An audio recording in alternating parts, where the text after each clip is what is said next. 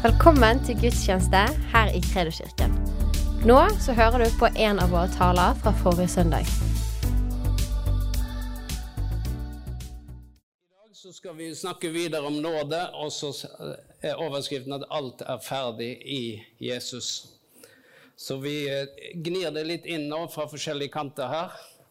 Og eh, eh, vi begynner med å lese fra Efeserbrevet kapittel 2 og vers 8-10. Vi var innom det sist òg. Så da leser vi her For av nåde er dere frelst ved tro. Det er ikke deres eget verk, men Guds gave. Det hviler ikke på gjerninger for at ingen skal rose seg. Skryte av seg selv, står det der. For vi er Hans verk, skapt i Kristus Jesus til gode gjerninger, som Gud på forhånd har lagt ferdige for at vi skulle vandre i dem. Så vi tar utgangspunkt i denne teksten. Så vi begynner litt med de to første versene, og så kommer vi tilbake til det siste verset sånn eh, litt til slutten her. Men det står her at eh, frelsen er en Guds gave. Det er noe vi tar imot. Eh, det å ta imot noe ting, ikke Selv om du ikke eh, har gjort noe med det, at, du, at noen finner ut at nå skal jeg gi deg en gave, så er det slik at det du må likevel gjøre, du må ta imot. Så Derfor er det ikke sånn at nåden da er passiv på den måten at det, det bare detter i hodet på deg. Nei, det står at av nåde er dere frelst ved tro. Så troen tar imot Jesus Kristus, og vi mottar frelsens gave av nåde uten at vi har bidratt noe. Derfor handler det ikke om hva vi kan få til. Står, vi leste her at det er ikke vårt verk, men vi er hans verk. Det er Guds verk. Og eh, så er det sånn at frelsen da, den hviler ikke på gjerninger, men den fører oss inn i gode gjerninger. Så det er ikke slik at eh, troen vår er uten gjerning, livet vårt er uten gjerning. Men det er ikke gjerninger som gjør at vi blir frelst. Så det er viktig at vi begynner i, i riktig ende. Men når vi er frelst, så utfører vi gode gjerninger som Gud på forhånd har lagt ferdige. Dette var vi inne på litt sist, så vi går ikke så veldig i dybden på det akkurat nå. Men det er det at Gud har gjort alt ferdig. Så når vi er født inn i Guds rike, så er det ikke vårt rike. Det er ikke vårt verk. Det er ikke noe vi har skapt, men det er Gud alene som har skapt sitt rike. Og så ble vi født inn i det. For når du ble født på ny, så ble du født inn i Guds rike. Og det samme med frelsen, som ikke da er vårt verk. Det er ikke noe vi har bidratt med, med våre gjerninger, men det var ved Kristus alene. Og eh, la oss gå til Johannes 19 og vers 30. Skal vi se hva som står der. Der står det Da Jesus hadde fått vineddiken, sa han, det er fullbrakt. Så bøyde han hodet og utåndet. Så vi skal se på dette, dette, ordet som Jesus proklamerer, det siste han sier før han dør, er 'det er fullbrakt'. Og eh, dette ordet 'fullbrakt' det har flere eh, betydninger. Eh, det kan bety fullført, fullendt, ferdig, betalt. Alle disse ordene ligger i dette ordet 'fullbrakt'. Og eh, Derfor er det slik at Jesus han fullførte sin gjerning. Han fullendte loven. Det han gjorde, det var ferdig, og så betalte han all vår gjeld. Så når Jesus roper ut 'fullbrakt', så er det veldig mye akkurat i det lille ordet 'det er fullbrakt'. Og eh, det er jo slik at eh, når noe er fullført, så er mitt spørsmål hva står da igjen? Noen som har et forslag? Det er noen som foreslår ingenting. Det var et godt forslag. Men hvis noe er ferdig, da, hva er det da som står igjen? Fremdeles ingenting. Men eh, når noe er betalt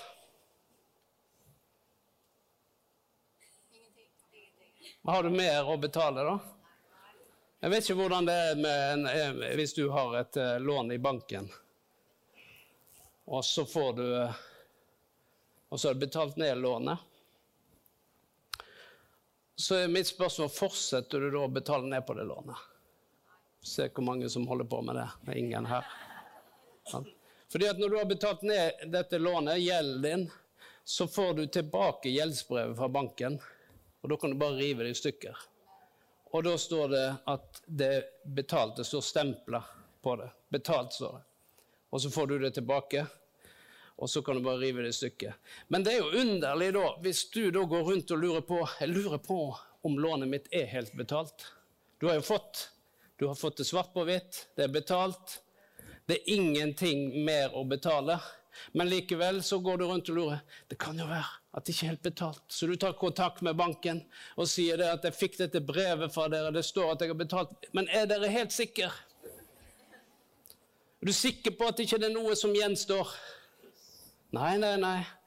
Det står null her hos oss. Det er betalt, det er oppgjort. Du skylder oss ingenting. Så går det et år og to, og så tenker du jeg lurer på om det egentlig er helt og fullt betalt. Det må jo gjenstå noen ting. Er det sånn at det er ingenting igjen å betale? Det er ingen som holder på sånn. Er det det? Da tenker du en sånn person er jo eh, enten mangler noe, eller så en litt dum, eller så en veldig mistenksom, eller forskjellig. Men når vi kommer over i Guds rike, så er det sånn vi holder på. Akkurat sånn. Fordi det er slik at eh, Jesus Kolosserbrevet 2,14. Skal vi lese hva som står der? Der står det at gjeldsbrevet mot oss slettet han. Det som var skrevet med lovbud, dvs. Si pga. loven, så sto vi i skyld. Men så står det han tok det bort fra oss da han naglet det til korset. Så han sendte det ikke engang i retur og sa at du får rive det sjøl. Han tok like godt og rev i stykket all skyld, all gjeld som vi hadde, slik at det er ikke mer å betale. Og derfor, hvis du da stadig lurer på ja, men er det nok det som Jesus gjorde? Men er du sikker på at jeg er helt tilgitt? Ja, men det kan jo være det er noen ting. Og en del de går gjennom hele kristenlivet og lurer på om en er tilgitt. Enda dette ordet her sier at uh, gjeldsbrevet tok han bort. Han sletta det, og så tok han det bort. Det er ganske radikalt. Men likevel går vi rundt og lurer på ja, men det må da være noen ting. Så begynner vi å grave prøve å finne. Men det var ikke vårt verk. Det var ikke vi som betalte noe som helst. Det var han som betalte absolutt nesten alt. Det var bare litt igjen. Men hva betalte han? Han betalte alt. Hva er da igjen til deg? Ingenting. Ingenting. Det er jo gode nyheter, ikke det? Det er virkelig gode nyheter. Det er så du kan skrive hjemme om. Alt er betalt, kan du skrive. Men det er veldig frigjørende når du forstår det, at jeg behøver ikke prøve å bidra med noe for at eh, det skal se bedre ut fra Guds side av. Fordi det ser allerede bra ut. Det ser fantastisk ut. For når Gud ser på deg, så ser han på at du er i Kristus, en nyskapning. Det gamle, det er nesten helt borte. Nei, det står ikke det. Det er borte. Og så er alt blitt nytt. Vi var inne på det sist gang, så da kan du høre det der. Men når alt er blitt nytt, når gjeldsbrevet er borte, så er det sånn at når Gud da ser på deg, så ser han på deg som en ny skapning i Kristus. Så når du kommer til han med at 'Å, Gud, er du sikker på at jeg er frelst?' Så sier Gud, 'Ja, men eh, det er jo ingen Du står ikke skyld til noe, du. Det er jo betalt, alt sammen. Så går det en stund, og så kommer du tilbake, akkurat som denne karen i banken. Men vi skal ikke oppføre oss sånn overfor Gud. Vi skal si takk, Gud, fordi at du tok all min skyld, all min skam, all min gjeld, og så tok du og nagla det til korset, slik at det skulle få et nytt liv. Det gamle er borte, og alt er blitt nytt. Og så skal vi leve i dette nye livet.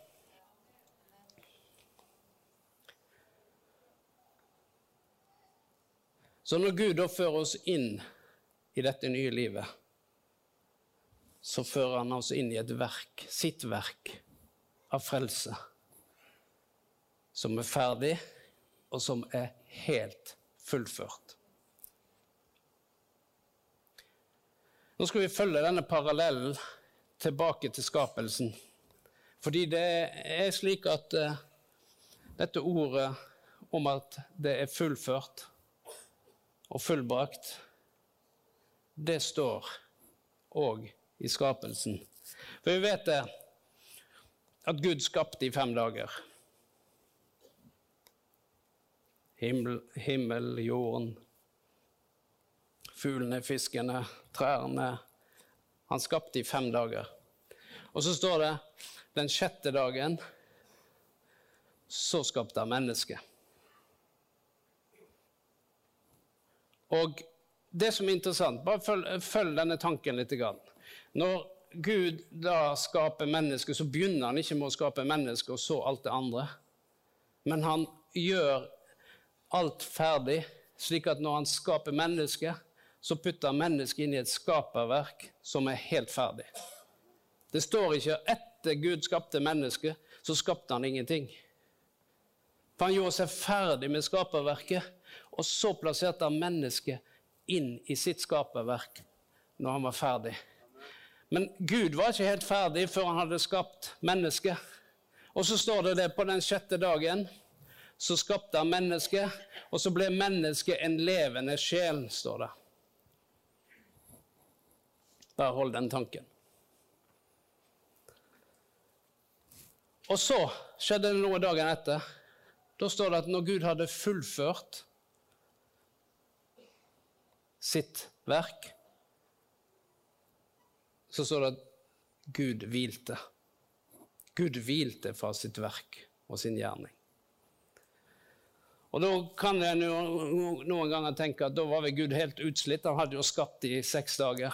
Han var sikkert veldig sliten, så han trengte en hvil. Men eh, betydningen av denne type hvile, det heter ordet som er brukt der, eh, heter sabbat. Er det noen som har hørt om sabbat? Sabbat. Shabbat, som de sier. Det er den jødiske helligdagen shabbat. Så ordet der hvile heter sabbat. Eh, og da er det veldig lett å tenke at da hviler vi fra vårt arbeid. Men det var ikke det Gud gjorde. Han hvilte ikke fordi han var sliten etter sitt, sitt skaperverk. Men det det handler om her, er at han hvilte i noe som var ferdig. Han hvilte fordi noe var ferdig. Så han hadde gjort det han skulle, og så hvilte han i det som var ferdig. Fordi det var fullført.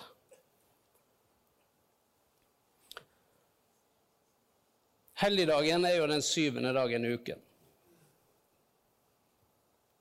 Og så har jo vi lært det at det er den dagen vi ikke arbeider, ikke sant? Vi har heldigvis ikke søndagsåpne butikker i Norge. Det er så fint. For det at den dagen skiller seg plutselig fra alle de andre dagene, og det tror jeg er veldig bra. Så på den ene siden så tror jeg at Gud tenkte på mennesket, at både menneske og dyr trenger hvile etter anstrengelse. Men når vi trenger hvile etter anstrengelse, da brukes det et annet ord for hvile. Ikke sabbat. Men så kom jo loven, de ti bud, underveis her. Og eh, det tredje bud, hva sier det? Fjerde bud, da? Femte? Nei, det tredje. Ok. Det står at uh, du skal holde hviledagen hellig, står det der. I den korte versjonen. Den i Moseboken den er litt lengre. Men uh, Da er det slik at vi er jo i den nye pakt. Nå kommer jeg med litt sånne utfordrende tankegang her, så nå må du bare følge veldig godt med. Fordi ja, men det står i budene at vi skal holde helligdag, eh, hviledagen hellig. Og da er det jo spørsmålet Men hva er egentlig Guds tanke bak dette? Du skal holde shabbat. Du skal holde sabbat. Du skal holde hviledagen hellig. Så er det slik at uh,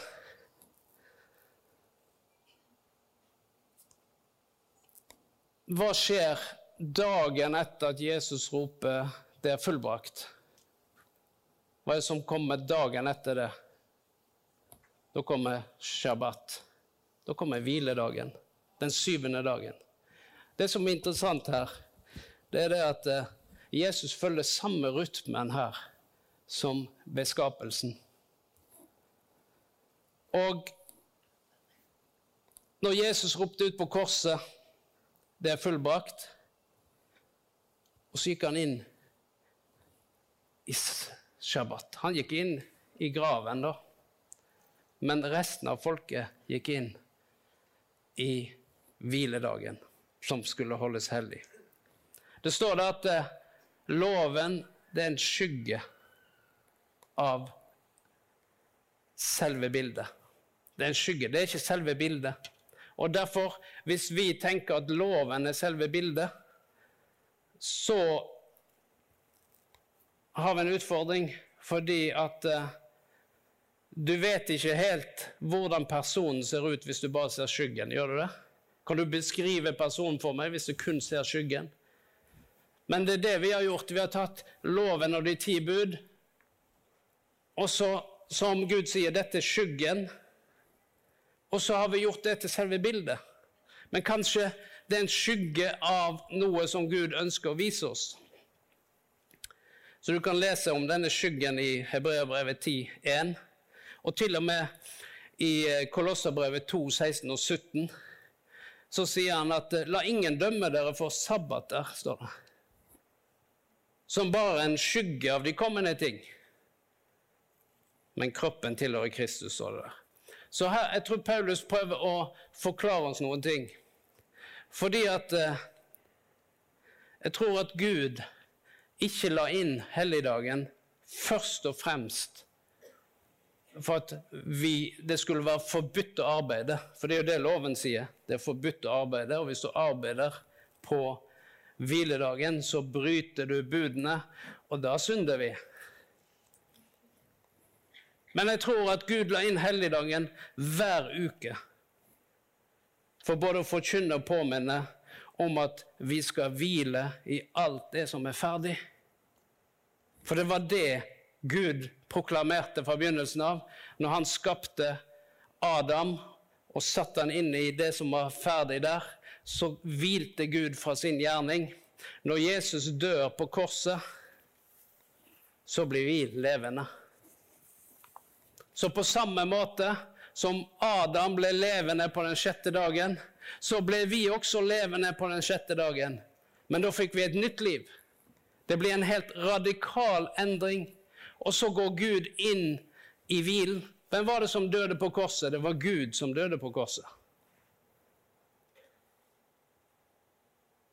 For Jesus, Gud steg ned og ble menneske. Og så tok han vår plass og vår synd tok han med opp på korset.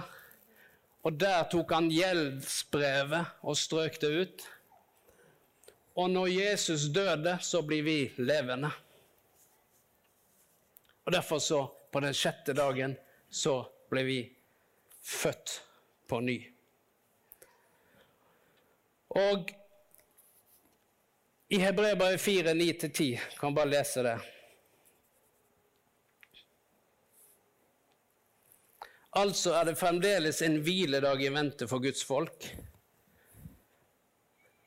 Den som kommer inn til hans hvile, får jo hvile fra sine gjerninger, like som Gud hvilte fra sine gjerninger.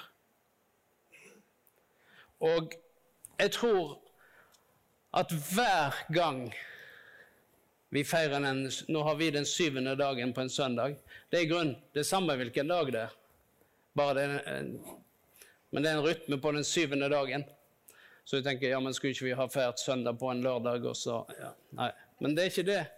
Det er ikke poenget. Poenget er den syvende dagen. Og på den syvende dagen så skal vi hvile. Men hva skal vi hvile? Jo, vi skal hvile fra vårt arbeid. Fordi Faderen hviler fra sitt arbeid, så skal vi hvile fra vårt arbeid. Fordi han er den som vi følger. Men det er en mye dypere betydning enn det. Fordi at hver eneste uke så hviler vi i det som han har gjort. Ferdig. Og når vi går inn i arbeidsuken, så går vi inn med det som er utgangspunkt. Det at vi går inn med Guds liv, med Guds kraft, med Guds hjelp, med Guds nåde inn i den uken som ligger foran oss. I dag er det vår syvende dag i uken.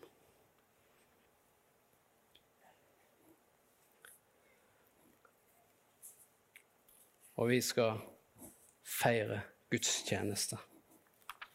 Og vi feirer gudstjeneste. Skal bare se her. Og det feirer vi i fellesskap med hverandre i fellesskap med Gud. Så kommer vi sammen for å feire, glede oss og for å høre Guds ord. Tilbe Gud og takke Gud for frelsen og alt han har gjort ferdig for oss. For at vi hver dag skal hvile i det Gud har gjort. Det er ikke slik at du bare skal hvile i dette på søndag, men søndagen er en påminnelse om at alt er faktisk ferdig. Og derfor, Hvis du gjør dette til en lov om at du skal ikke arbeide på en søndag, så har vi faktisk mista noe av selve poenget. Fordi da knytter vi det til en gjerning. Men vi blir ikke frelst av gjerninger, blir vi det? Så hvis vi da tenker at Gud er mer fornøyd med oss hvis vi ikke arbeider på en søndag, så har vi misforstått noe av selve tanken. Nei, det er ikke det det handler om. Gud vil ikke at vi skal arbeide fordi han skal påminne oss om at alt er ferdig, og at det er av nåde. Og Derfor tar vi imot det som han har gjort. Og når vi da går inn i den nye uken, så vandrer vi i det nye livet, i alt det som er ferdiggjort fra Kristus Jesus. Og du trenger ikke å gjøre noe for å bli bedre frelst eller mer frelst. Du trenger ikke ringe banken for å høre om alt er betalt, for det er betalt. Så Jesus proklamerer det er fullbrakt. Jeg syns det er interessant med Guds timing jeg, i dette. At når Gud skapte, så gjør han det på fem dager. Putter mennesket inn i sitt skaperverk som er ferdig den sjette dagen. Og da skaper han mennesket som en levende sjel. Og på den syvende dagen hviler han. Så kommer Jesus, som dør på den sjette dagen. Og så, når han dør, så blir vi levende. Men hva er det han gjør? Han setter den nye skapningen inn i et frelsesverk som er helt ferdig. Og så sier han, og det skal du hvile i. Og det er det som er budskapet.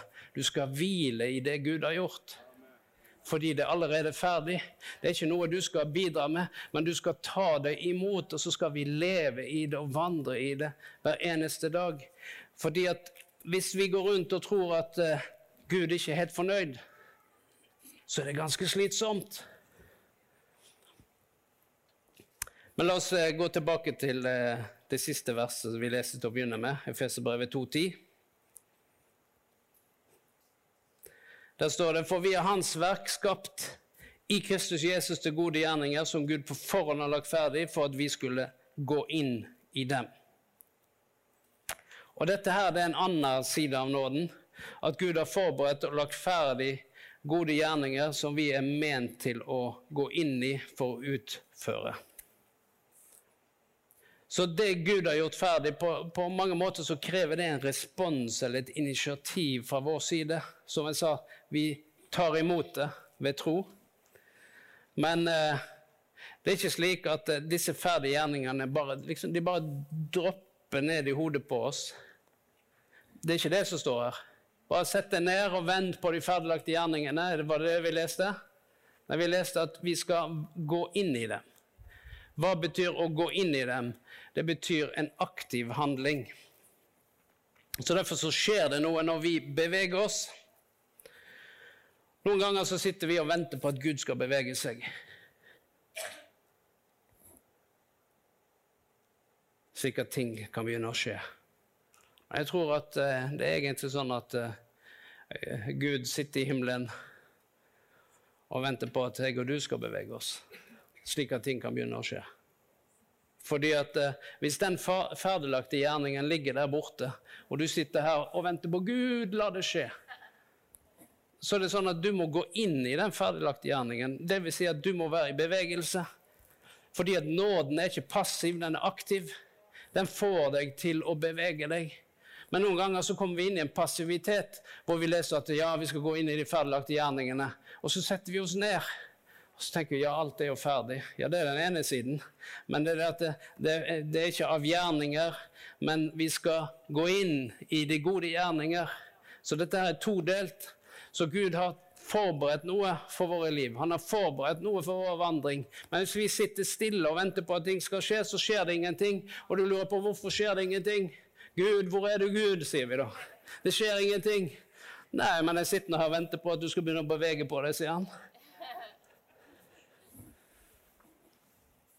For det skjer noe når vi beveger på oss. For når vi handler, så handler Gud. Men han trenger ikke å handle når du bare sitter der. Og han tenker liksom jeg skulle gjerne gjort disse underne. Men han har ikke bruk for disse underne, for han sitter jo bare der. Skulle gjerne vist disse gjerningene for deg, men jeg har ikke bruk for disse gjerningene, for han sitter jo bare der. Nei, sett deg i bevegelse, ta et initiativ, be for de syke, gi ordet ut. Eh, velsign noen, oppmuntre noen, vis barmhjertighet, gjør noen ting. Be en bønn som er utover det du kan eh, gi bønnesvaret på selv. Så du trenger Gud til å gi bønnesvar. Gå litt lenger enn det. Så kommer ting til å skje. Fordi det ligger ferdiglagte gjerninger der ute. Så Gud sier, 'Beveg deg', sier han. Så nåden er aktiv og ikke passiv. Og det står Paulus sier faktisk at jeg arbeider mer i 1. Korinterbrev 15.10. Jeg arbeider mer enn alle apostlene, sier han. Det, det, den er ikke liten. Det er det han egentlig sier. Det står der at Men ved Guds nåde er jeg det jeg er. Og Hans nåde mot meg har ikke vært bortkastet. For jeg har arbeidet mer enn noen av dem. Vet du hvem noen av dem han snakker om? Apostlene.